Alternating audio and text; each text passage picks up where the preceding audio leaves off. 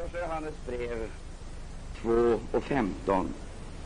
Där heter det Älsken icke världen, ej heller vad som är i världen. Och där är det nödvändigt för oss att just tänka på uttrycket älsken icke världen. Och här handlar det alltså om, om motsatser, oförenliga motsatser. Men eh, de här motsatserna kännetecknas utav ett speciellt personligt engagemang. I båda fallen handlar det om kärlek. Det är kärlek, men det är alltså två olika arter. Det är artskillnader i, mellan den ena kärleken och den andra. Det är alltså kärlek till världen, talar han om först, och sen så talar han om kärlek till Fadern. De är alltså varandras oförenliga motsatser.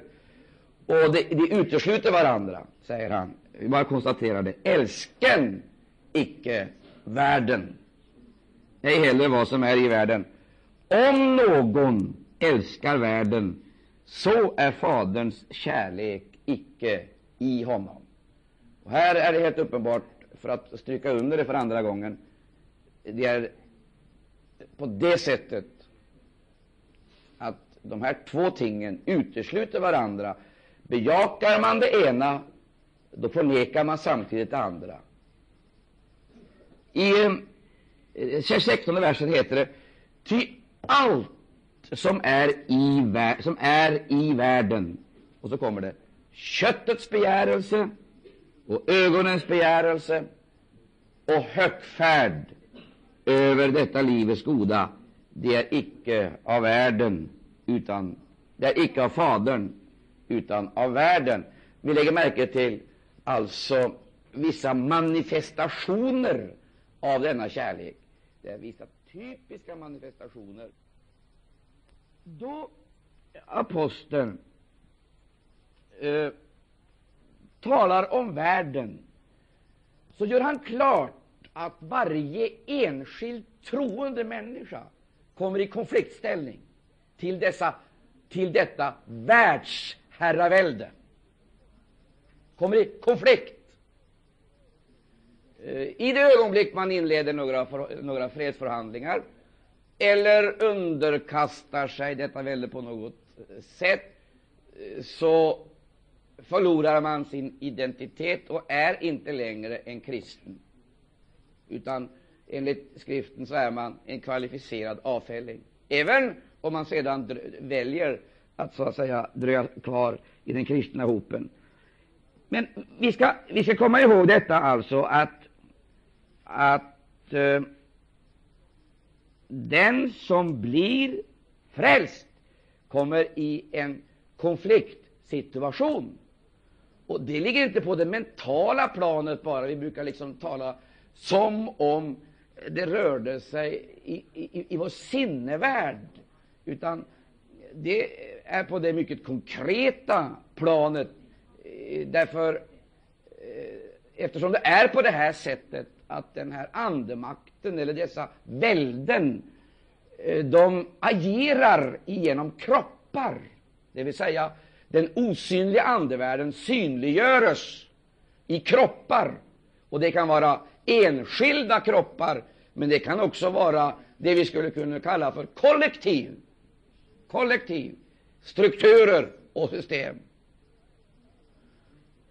Där har jag redan sagt att den här kampen den utkämpas alltså individuellt i relationer till enskilda individer, men också i kampen mot hela kollektiv, mot strukturer, mot system. Och det är eh, verkligen väsentligt att man lär sig känna igen dessa makter. Man kan känna igen dem på deras bekännelse, säger aposteln här. Eh, men man kan också lära sig känna igen dem på deras beteende, deras relationer till vissa ting, synliga ting i världen. Men också, vilket inte är minst viktigt, man lär sig känna igen dem på deras krav, långtgående krav på vår lojalitet. De kräver nämligen att vi ska vara lojala. Men vi ska inte dröja vid detta längre, utan nöja, nöja oss med att konstatera att aposteln säger att skall man bevaras som kristen, då måste man vinna seger över världen. Man måste vinna seger över världen. Och ska vi vinna seger över världen, då måste vi veta vad världen är för någonting. Vi måste veta hur världen opererar. Vi måste också känna igen världens, eh, världens eh, Eh, realiteter. Jag vill betona det här en gång till. Och han gör klart för oss att det finns bara en möjlighet att vinna seger över världen, säger han. Och det är den gudafödda tron. Det är den gudafödda tron. Han säger, och detta är den seger. Och detta är den seger, talar han om, som har vunnit seger över världen. Och vad är det för någonting? Det är vår tro. Var står det någonstans? Ja, vi går till det femte kapitlet och bara läser vi det. Och så ska vi sätta just det där ordet i, ett mot, i, i, i jämförelse med ett annat bibelord, där vi möter kampen utifrån några, något andra utgångspunkter. Johannes eh, första brev, femte kapitel. Där heter det så här, i den fjärde versen. Ty allt som är fött av Gud, det övervinner världen. Och detta är den seger som har övervunnit världen, vår tro. Vilken annan kan övervinna världen än den som tror att Jesus är Guds son? Vi lägger märke till att det är den gudafödda tron som övervinner. Men observera uttrycket besegra. Alltså besegra genom tro eller besegras genom otro. Jag vill säga det här en gång till. Besegra världen genom gudafödd tro eller besegras av världen genom antikristlig otro eller vantro. Och Det här är inte klichéer eller fraser, utan det är mycket allvarliga saker. Därför att när Johannes, när aposteln beskriver det här, då tänker han hela tiden på mycket konkreta förhållanden, det vill säga församlingens kamp i världen, i kontakten med de makter som ligger emot. Bakom detta eh, så finns det, eh, om vi vill kalla det en intelligent och mycket väl... Organiserad. hjärna. Det heter vi vet att vi är av Gud och att hela världen är i den ondes våld. Hela världen är i den ondes våld. Och Vi ska läsa några ord av Jesus också innan vi nu ger oss på uttrycket världen och försöker analysera vad Bibeln egentligen menar då den talar om världen i inskränkt och utvidgad mening, i, i speciell och allmän mening. Går vi till Johannes, Johannes evangelium så läser vi där några ord av Jesus. Och Jag har en känsla av att det saknas ofta i vår förkunnelse en dimension som Jesus för fram. Jag vet inte riktigt vad det beror på, att vi liksom nalkas de här, de här eh, frågorna på ett så oerhört klart och närmast diffust sätt. Jesus talar i konkreta termer och ger enormt klart besked. Låt oss läsa några ord utav honom. Vi går till Johannes evangeliums eh, vi kan först läsa i, eh, från den eh, femtonde, det femtonde kapitlet. Ja, vi kan börja med fjortonde kapitlet. Vi läser först det fjortonde kapitlet, Johannes evangeliums fjortonde kapitel. Där heter det ifrån tolfte versen, sannerligen, sannerligen säger jag eder, den som tror på mig han skall också själv göra de gärningar som jag gör, och ännu större än dessa skall han göra, ty jag går till Fadern.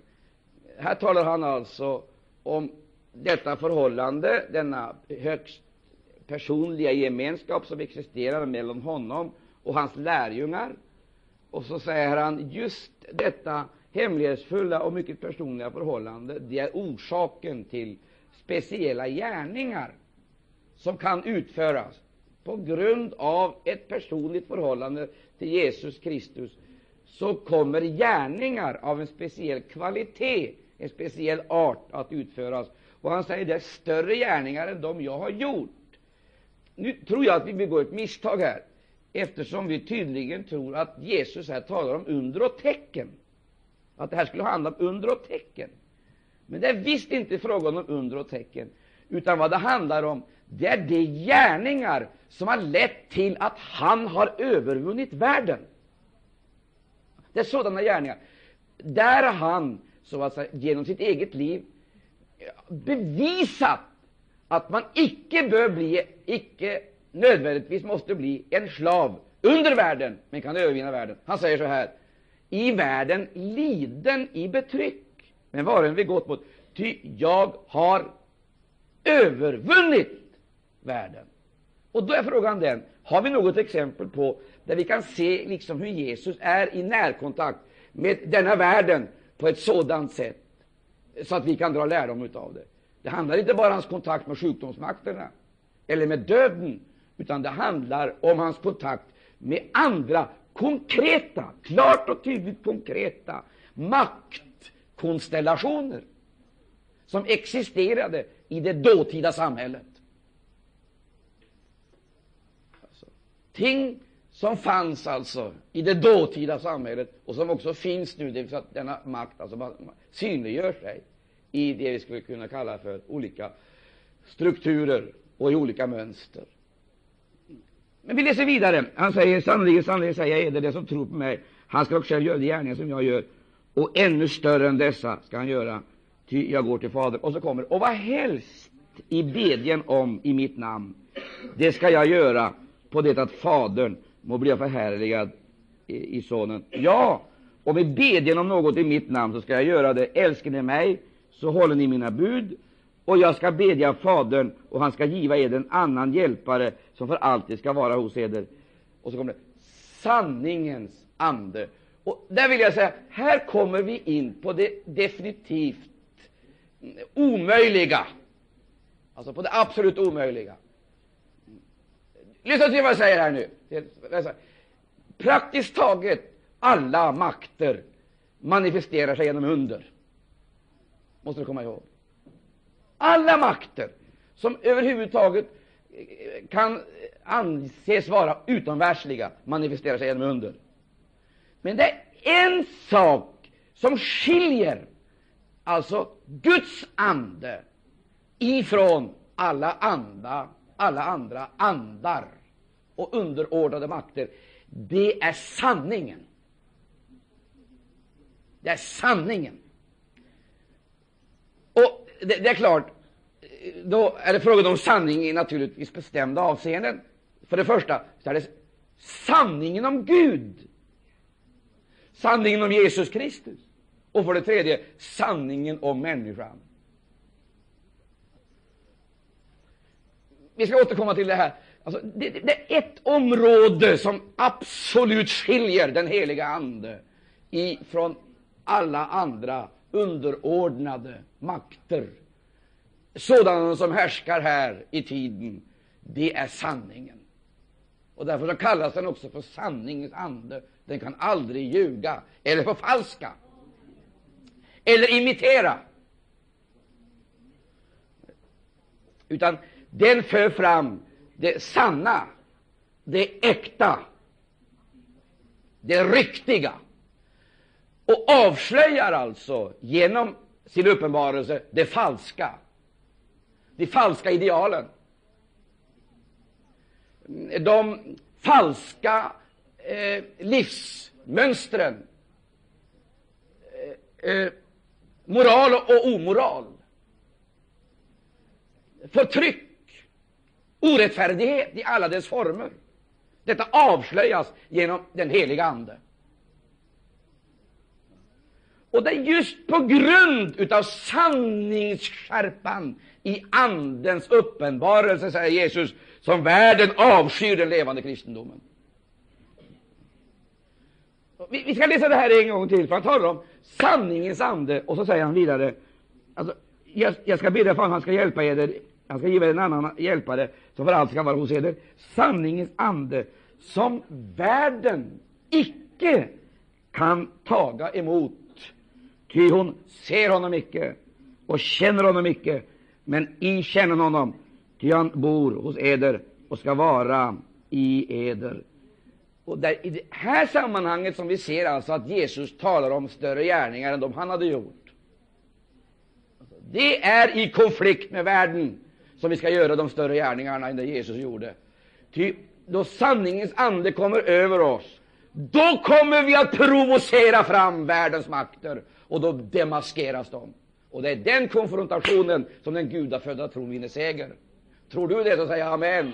Det är den konfrontationen med de makter som härskar i tiden som den gudafödda tron vinner seger. Och den vinner seger därigenom att de som så att säga personifierar den offrar sig själv och därigenom blir segervinnare. Icke genom livsbejakelse, men genom självförsakelse besegrar de världen. Halleluja. Vi har ett annat ord här av Jesus som gör klart för oss att den här konflikten, den är djup, mycket djup.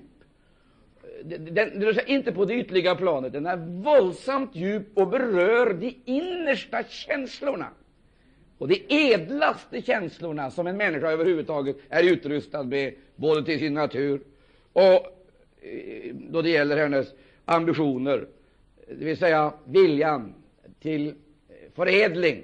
Det berör det edlaste, det finaste och det vackraste. Det är just detta edlaste, finaste och vackraste som denna världsmakt vill exploatera för syften som vi egentligen inte är medvetna om alla gånger, inte förstår. Bara det att vi blir exponenten för makter som vi själva inte kan tämja eller styra. Vi leds av dem. Många gånger automatiskt, andra gånger magiskt, återigen mekaniskt. Vi gör ting med vår kropp som vare sig hjärnan har reflekterat på eller hjärtat har någon större känsla för. Det är bara det att det blir, så att säga, gärningar som är resultat av en mycket svårdefinierbar makt.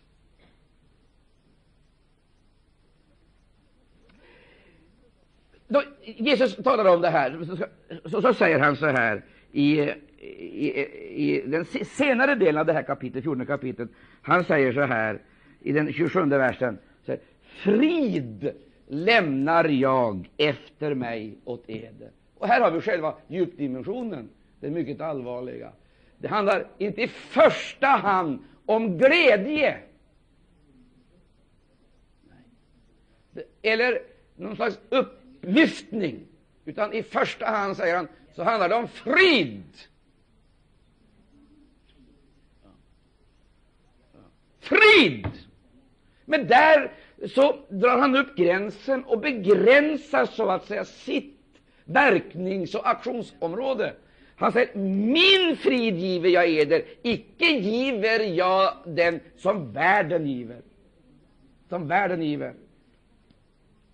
Frid lämnar jag efter mig åt eder, men frid, min frid giva eder, icke giva eder den som världen giver. Edra hjärtan, var icke oroliga eller försagda. Min frid ger er. Och jag skulle vilja veta, vet vi egentligen vad som är världens frid? För han säger, icke giva jag er så som världen ger. Världen har alltså sin frid. Och Det är uppenbart på det sättet att den friden på fundamentala punkter skiljer sig ifrån den frid som Jesus ger. Och då är frågan den, vad är det som skiljer det ena ifrån det andra i det här fallet? Får jag se på det ett litet ögonblick och ställa frågan direkt. Har du Jesu frid eller världens frid? Men jag fortsätter. Vad är då egentligen frid för någonting? Vad är frid? Har ni hört talas om fridsfursten? Fridsriket? Frid, det är ingenting som man förnimmer så där intensivt. Frid, det är Guds rikets beståndsdel. Det är, alltså, och det är ingenting som jag liksom den ena dagen kastar mig in i och den andra dagen hoppar ur. Utan det är ett tillstånd jag lever i. Att leva i frid. Vet du vad det innebär? Vi tar inte upp den frågan, utan du kan fundera på det nästa gång. Läser vi det femtonde kapitlet, så ska vi se hur dessa, de, de, dessa, eh, eh, Eh, hur, hur, hur, dessa olikheter, alltså dessa oerhörda olikheter, liksom bildar gräns emellan oförenliga kategorier. Och det är detta som är det kusliga, för nu kommer vi ner på det personliga och rent emotionella planet. Som, det är så svårt. Därför att om man är exempelvis naturligt eh, förbunden med en människa, så att man känner att det är min kötsliga syster, det är min kötsliga bror, och så helt plötsligt upptäcker att fastän vi har samma far och mor, så verkar det som om vi skulle tillhöra två världar, oförenliga världar, två släkter. Och man har en känsla av att man är så långt ifrån varandra så att man har svårt att överhuvudtaget hitta ett gemensamt språk. Man kan, man kan knappast tala med varandra. Det är osynliga barriärer. Och det, detta som är det stora problemet, det är detta som är det djupa och allvarliga. Därför att detta kan, detta, denna märkliga alienation som man talar om, detta främlingskap, det kan man naturligtvis låta bli orsak till olika typer av aktiviteter som är farliga. Men både utav negativ och positiv karaktär. Nu talar jag kanske lite aning i gåtor för er, men det må ju vara tillåtet. För gåtor ska man lösa, och lycka till, lös dem nu. Låt mig få säga det till dig här, min älskade vän, att det är på det djupa och det personliga planet det här förnims.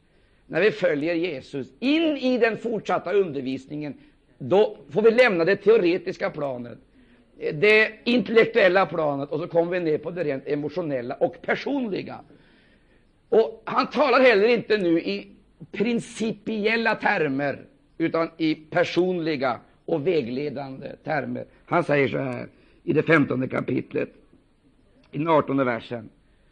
Han säger, om världen hatar eder. Alltså, bara det tycker vi är olustigt. Bara, bara höra det här, att man på något vis skulle vara objektet för sin samtids avsky och hat. Det, det låter ju vidrigt. Är det någon som älskar att bli hatad? Eh, så lyft handen. I så fall vill jag säga dig, då är du sjuk. Och då får jag be till Gud för att bli botad. Det är ingen människa som älskar att bli hatad. Vi, det ligger i vår natur att vi vill bli älskade. Och det är ju självklart, vi vill ju bli älskade utav våra arbetskamrater och vänner, uppskattade och älskade. Men framför allt vill vi ju bli älskade utav våra föräldrar, utav våra syskon och utav våra närmaste. Men här säger Jesus, och han använder då ett sammanfattande uttryck för allt det som överhuvudtaget finns av mänskliga varelser och relationer i tiden. Där säger han, om världen hatar eder. Och då säger han detta som om det skulle vara den mest naturliga saken i världen, detta att om världen hatar. Det, det, det, det, är tydligen det mest naturliga, att så är fallet. Om världen hatar eder, så betänken att hon har hatat mig för en eder. Det är helt tydligt så att den här oerhörda aggressiviteten ifrån eh, en mycket laddad och hätsk värld, den måste inge många funderingar hos enkla små läsare. Och man ställer frågan, hur kan det vara möjligt att man har det på det här sättet? Då säger Jesus så här, bli inte överraskade av att det är på det här viset. Ty på samma sätt har också världen hatat mig. Och när jag når den nivån, då tycker jag liksom att argument upphör. Då är det precis som att det inte längre går att använda vanliga uttryck eller ord. För att har världen hatat någonting utav det största och underbaraste som har synliggjorts i människogestalt, har de kunnat hata denne Jesus som bara gjorde gott, då förstår vi vad vi har att vänta. Det vill säga, allt det som på ett eller annat sätt förknippas med Jesus, som har sin upprinnelse eller sin källa i honom, det avskyr världen. Och då kommer vi in på den här outgrundliga frågan. Det beror inte på deras bildningsnivå eller deras primitivism, utan det beror på den ande som härskar i världen och som bor i världen. En ande som omöjliggör den heliga Andes uppenbarelse. Ty det, det, det är oerhört skakande. Och jag skulle nästan vilja kasta in en liten närgången fråga här. Ställa frågan alltså hur det är med oss, hur vi, upp, hur vi upplever den här, den här närkontakten med människor som kanske inte vet ens en gång att de är fiendens verktyg, som kanske inte ens vet att de är inspirerade och behärskade av världens ande och därför nödvändigtvis måste hata oss. Och detta hat kan ta sig så kolossalt många underliga uttryck, inte minst att de försöker vinna oss för sina syften. Det vill säga, genom vår närvaro är vi ett irritationsmoment, men kan de få oss neutraliserade på ett eller annat vis, då är de av med en plåga. För den heliga Ande är en plåga för världen. På samma sätt som världens ande är en plåga för församlingen kan de neutralisera oss, få oss, vinna oss. Ibland så smickrar de oss. Ibland så försöker de inställsamt så att säga leda oss in i sina relationer och förhåll, normalisera våra förhållanden för att vi ska bli neutraliserade. Och så småningom så blir vi ett med dem, och då upptäcker vi att förlusten utav det vi ägde under inga förhållanden kan uppvägas av vänskapen som vi fick. Och det brukar, det brukar leda fram till livsleda. Och ibland så långt att man är redo att betala en god summa penningar eller betala vad som helst för att få tillbaka det man förlorade.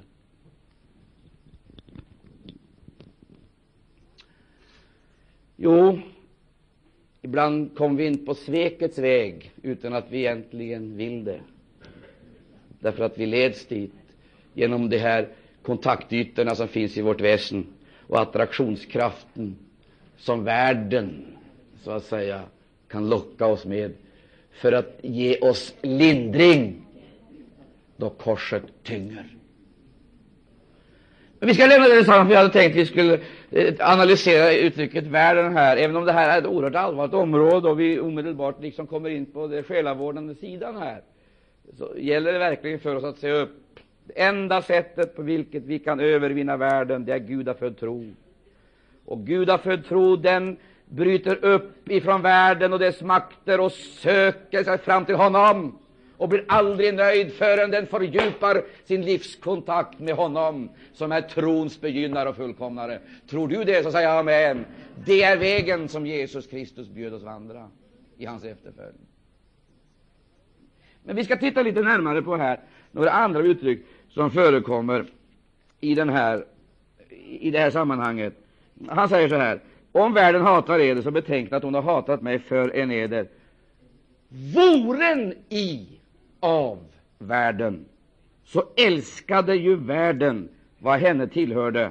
Men eftersom i icke ären av världen, utan av mig haven blivit tagna eller utvalda och tagna ut ur världen, Därför hatar världen er. Och Det är verkligen ett komprimerat budskap. Läs det led för led och ta det upp led för led vad egentligen Jesus här säger. Våren i av världen. Vad är han säger där? Så älskade ju världen vad henne tillhörde. Men eftersom i icke ären av världen, utan av mig har de blivit utvalda och tagna ut i världen, därför hatar världen det. Du, vet du vad Jesus frankt förkunnar? Det som står emellan oss och världen, det är icke våra känslor. Det är icke vår uppfattning. Det som står emellan oss och världen, det är icke vårt mönster eller vårt beteende, även om det naturligtvis följer med naturnödvändighet. Det som står emellan oss och världen, det är Jesus. Och där ligger problemet. Ta bort Jesus och ta bort honom och vägen till rehabilitering är öppnad. Det som står emellan världen och dig, det är inte din trosuppfattning. Det är inte, det är inte din livsåskådning. Det är inte ditt beteende eller ditt mönster. Det som står emellan oss, det är Jesus. Och det är inte den Jesus så att säga, som vi målar för vårt sinne, utan det är Jesus så att säga, genom den gudafödda tron. Det är det liv, Kristus liv, som finnes i oss, som världen aldrig kommer att acceptera, vare sig här eller där. Det är där problemet ligger. Men ta bort det livet. Ta bort Jesus Kristus. Och vägen till rehabilitering är öppnad och du ska få se världen kommer att bjuda dig, erbjuda dig allt den förmår prestera för att du ska känna dig lycklig tillsammans med världen. De kommer att ställa upp för dig, åtminstone till en tid, till dess att din frid, för nu kommer tillbaka, din frid i världen lider ni betryck, men var med gott mod, jag har övervunnit världen. Halleluja, vårt Kristus liv höjer oss upp skapar konflikter, men gör oss också till segervinnare. Tror du det, så säg amen.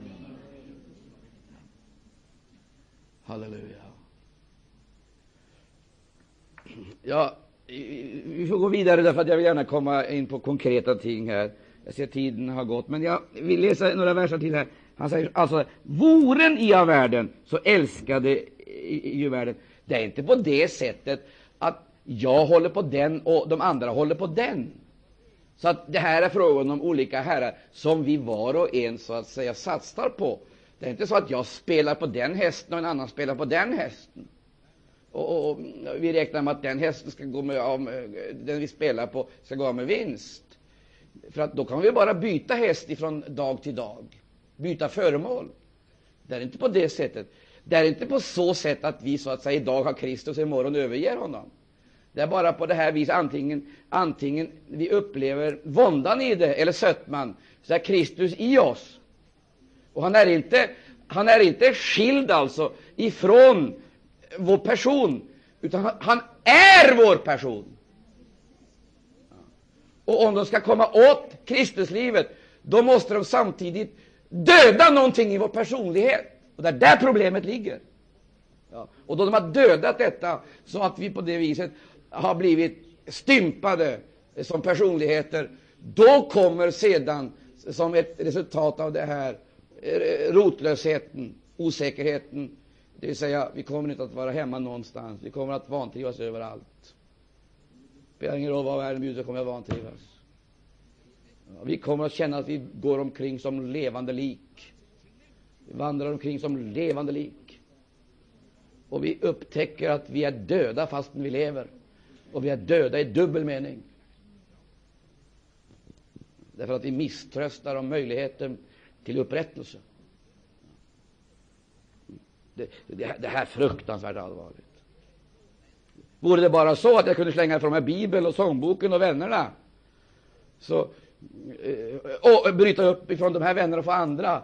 Men det är inte på det sättet. Det är inte så att jag kan ta Kristus så att säga ur min tillvaro, ur mitt rum och så, så att säga, placera honom på vind eller källaren. Kristus är i mig, han är med mig. Överallt är han. Han är, jag höll på att säga, invävd i hela mitt system, hela mitt liv. Ja, och det spelar ingen roll om jag har vänner eller eh, om jag inte har vänner, så har jag Kristus i mig. Han finns där. Och fast jag inte har begärt att på något sätt bli påmind om någonting, så kommer ordet ständigt, sångerna, vittnesbörden. Det vill säga tron gör sig påmind på tusen och ett sätt. Det finns som en levande verklighet i mitt hjärta. Han är där som en verklighet. Och jag kan aldrig frigöra mig från det. Jag kan inte fly ifrån det. Jag kan inte springa ifrån det, för det finns med mig. Där kommer hela detta evangeliska, eh, denna hela den evangeliska kraft. Det som skiljer mig ifrån världen, det är alltså inte någonting som ligger utanför min personlighet, utan det är någonting i mig. Och jag kan inte ta ut det här, liksom operera ut det och så bli av med det för att så att säga komma på, freds, på, fredslig, eh, på fredliga villkor med världen. Ty när jag tar ut det så dör jag samtidigt. Och då inträffar det verkligt kusliga. Då blir jag i samma ögonblick ointressant för världen. För det som gör dig intressant, det är inte din religiositet, det är Kristuslivet. Det är föremål både för angrepp och beundran. Men när det har gått förlorat, då försvinner också angreppsorsakerna. Sen kan du gärna ha dina böneböcker och sångböcker så mycket du vill, ingen kommer att störa dig. Och fortsätta eh, dina riter och dina religiösa övningar, ingen kommer att störa dig. Men vi lämnar det här. Jag hade inte tänkt att dröja så mycket inför just den här sidan, själavårdens sida, utan vi ska se det principiella och praktiska. Jag är icke din domare. Du måste göra klart för dig det. Och jag vill inte på något sätt anklaga dig. Fatta det inte så. Känner du anklagelse inför det som jag har sagt här, så kan det bero på att jag har tagit i för hårt och därigenom kanske sårat dig. Då ber jag dig om förlåtelse. För jag vill inte skada dig. Utan jag vill bara säga dig att Jesus Kristus vill visa dig och mig en väg. Och han kallar dig att gå in på den. Och du kan aldrig, förstår du, nå fram till något resultat om du är anklagad och nedtryckt. Det löser, då, då är du bara i fiendens händer. Utan du måste göra klart för dig att den Jesus som ställer kravet, han kommer till dig med kraften för att det här ska bli din livserfarenhet. Så om jag nu här genom mitt, eh, genom mitt bibelstudium på något sätt har trängt ut dig så du känner dig periferisk, så, då må du förlåta mig. För Anden vill dra dig in i centrum Eh, så att du kan känna Jesus Kristus och uppfyllas av han, hans ande och få frimodighet att brukas av honom. För jag är icke din domare. Visst inte. Det är Herren Jesus Kristus som Gud har gjort till domare.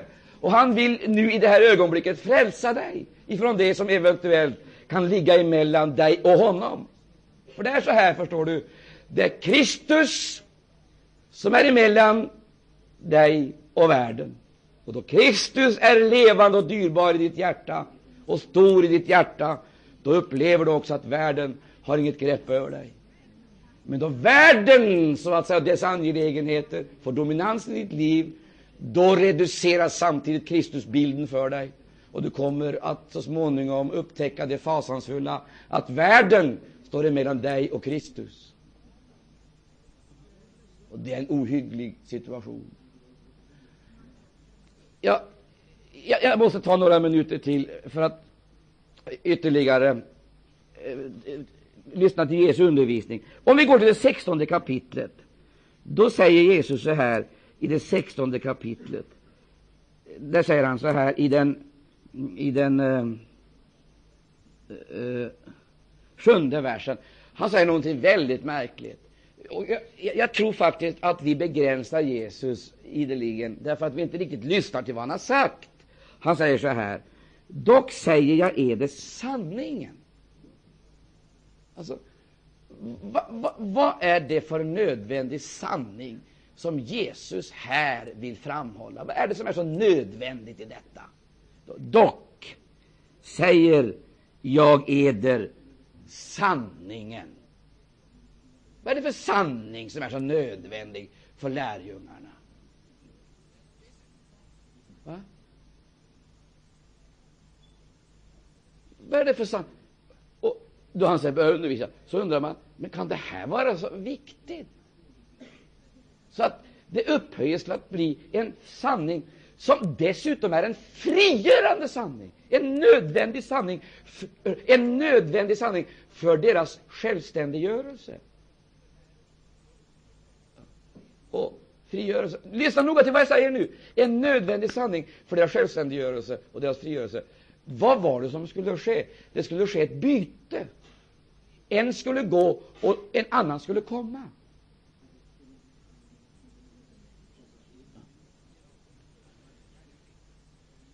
Och genom detta skulle inledas en ny epok, det vill säga den som var hos dem i fysisk gestalt skulle gå.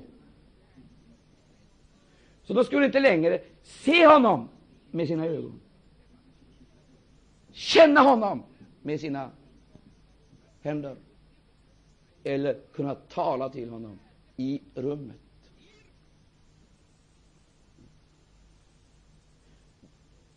Vad Jesus gör klart, för här sprängs alltså tidigare gränser, alla tidigare, rummet och tiden. Och så kommer han in med en helt ny dimension. Och han säger, detta är nyttigt för er. Och, och jag, jag, jag, jag, blir nästan lite jag blir stum av förvåning.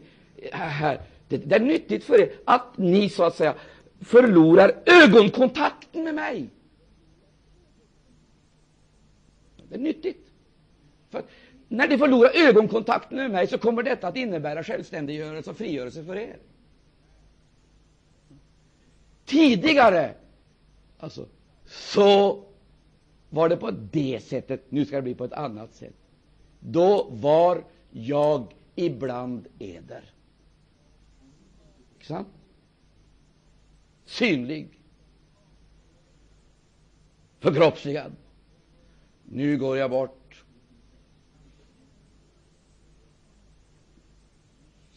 Vad är det Jesus vill säga med det här? Just något av det jag betonat här tidigare. Tidigare vandra Jesus på jorden. Nu skulle Jesus genom samma ande som uppväckte honom från de döda mångfaldigas. Mångfaldigas i kristna som gick samma väg och vann samma seger som Jesus själv. Han gick genom världen och vann seger.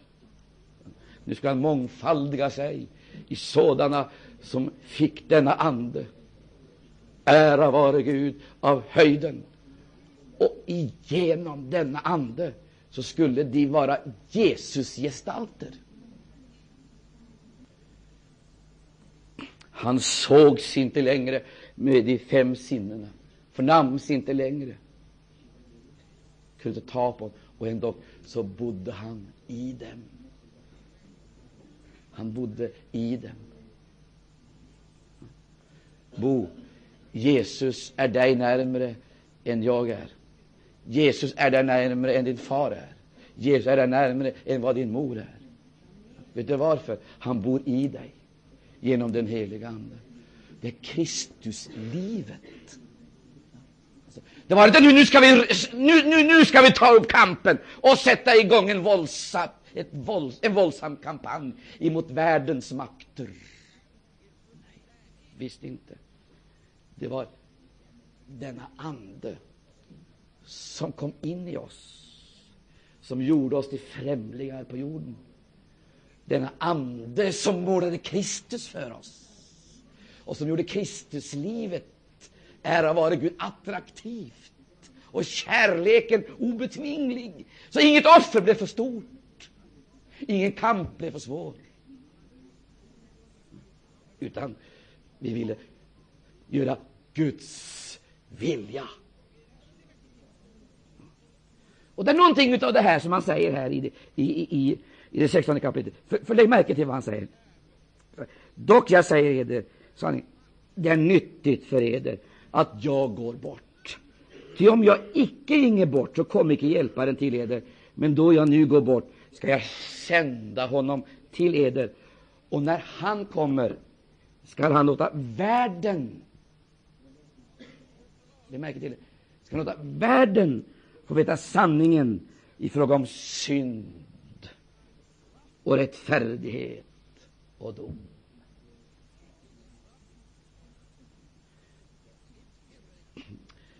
Jag, jag, jag, tycker det här är helt otroligt. Han säger, när anden kommer till eder, då ska världen få veta. Alltså, det som gör församlingen till något eh, radikalt annat än allt det som överhuvudtaget existerar i världen, det är ju anden. Det är inte det att vi har Kristus i, i, i de heliga skrifterna eller traditionen, men att vi genom anden har Kristus mitt ibland oss. Och det är inte bara att vi har sanningen principiellt, utan vi har den personligt. Och vi har den på ett så personligt förhållande, på, ett så personligt sätt, att vi upptäcker att precis samma saker som mötte Jesus Kristus, det möter oss. Det är inte därför att vi försöker vara lika honom, men det är därför att den ande som bodde i honom är i oss.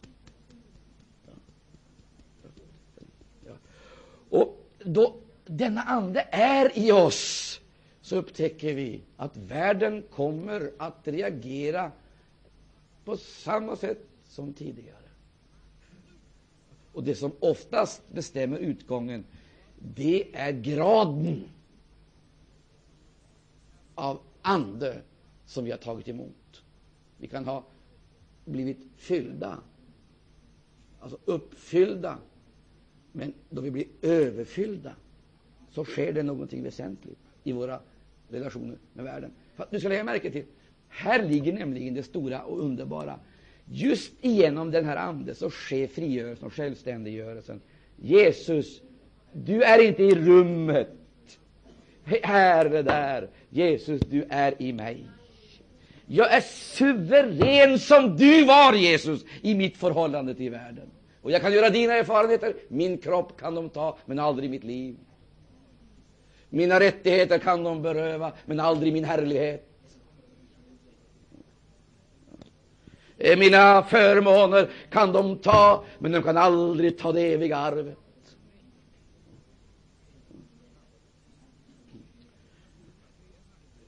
Vi blir suveräna, självständiga. Och det är den enda självständighet som är värd att kallas självständighet och den enda frihet som är värd att kalla frihet. För då får vi en naturlig frihet och en naturlig självhet i, självständighet i våra relationer till vår omgivning. Exempelvis, jag tänker då på far och mor. För att det är ju inte meningen att eh, föräldrar och barn ska ligga i strid med varandra. Så att vi liksom, för att eh, känna glädje i tillvaron, måste ha slagsmål med våra närmaste. Det är inte det det handlar om, utan det är just självständiggörelsen och friheten att i sitt personliga liv förverkliga Guds vilja med avseende på sitt liv. Det är det som är så storslaget.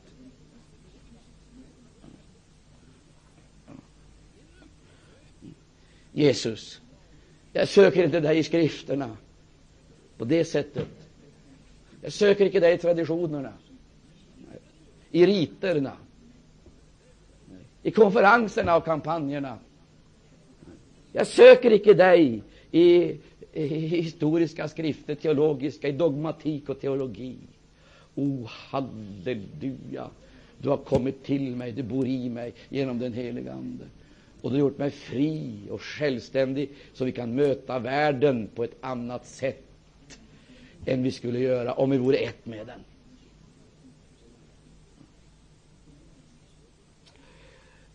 Jag har inte kommit fram till analysen av uttrycket världen ännu. Jag får lämna det nästa gång. Nästa tid ska vi samlas igen och jag kan lova er att vi ska få det intressant här. Jag ska titta in i det. Jag ska bara läsa eh, några verser till. Det heter så här. När han kommer skall han låta världen få veta sanningen i fråga om synd och rättfärdigdom. I fråga om synd, du tror icke på mig, i fråga om rättfärdighet, ty jag går till Fadern, och i sen mig icke mer. I fråga om dom. Och då kommer facit, som egentligen är väldigt märklig. Han säger, ty denna världens furste är nu dömd.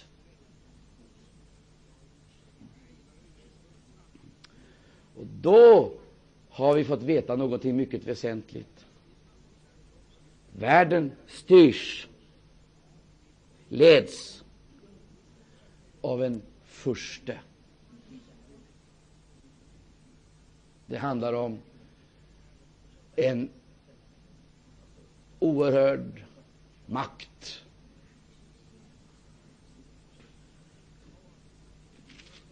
Vi ska be till Gud att vi får blicka in i Guds underbara rådslut. Och innan vi slutar ikväll så låt oss söka rätt på Johannes evangelium 17 kapitel.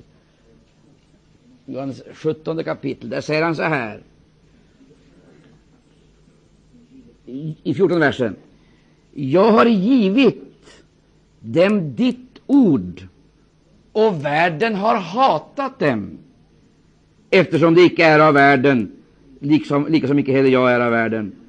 Jag beder icke att du ska taga dem bort ur världen, utan att du ska bevara dem från det onda. Det är och icke av världen, lika som icke heller jag är av världen. Det är vad Jesus gör klart för oss. Att tillhöra Jesus, det är att, det är att vara utanför på ett bestämt sätt. Och vad det kan innebära att vara utanför, det ska vi se nästa gång. Vi ska fortsätta med samma ämne, församlingen i världen, konflikt och uppgift.